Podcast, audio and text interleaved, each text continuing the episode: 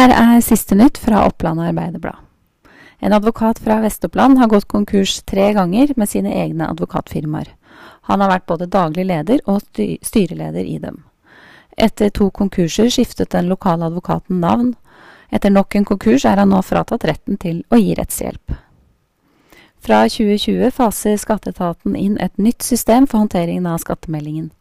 Det første folk vil merke, er at den forhåndsutfylte skattemeldingen kommer tidligere enn før.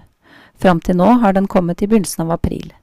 Men planen er at den skal bli sendt ut puljevis over en periode i forkant av dette. Med det nye systemet vil du få skatteoppgjøret rett etter at du sender inn de endringene du har, og innen kort tid får du vite hvor mye penger du eventuelt skylder i restskatt eller har til gode, opplyser skatteetaten.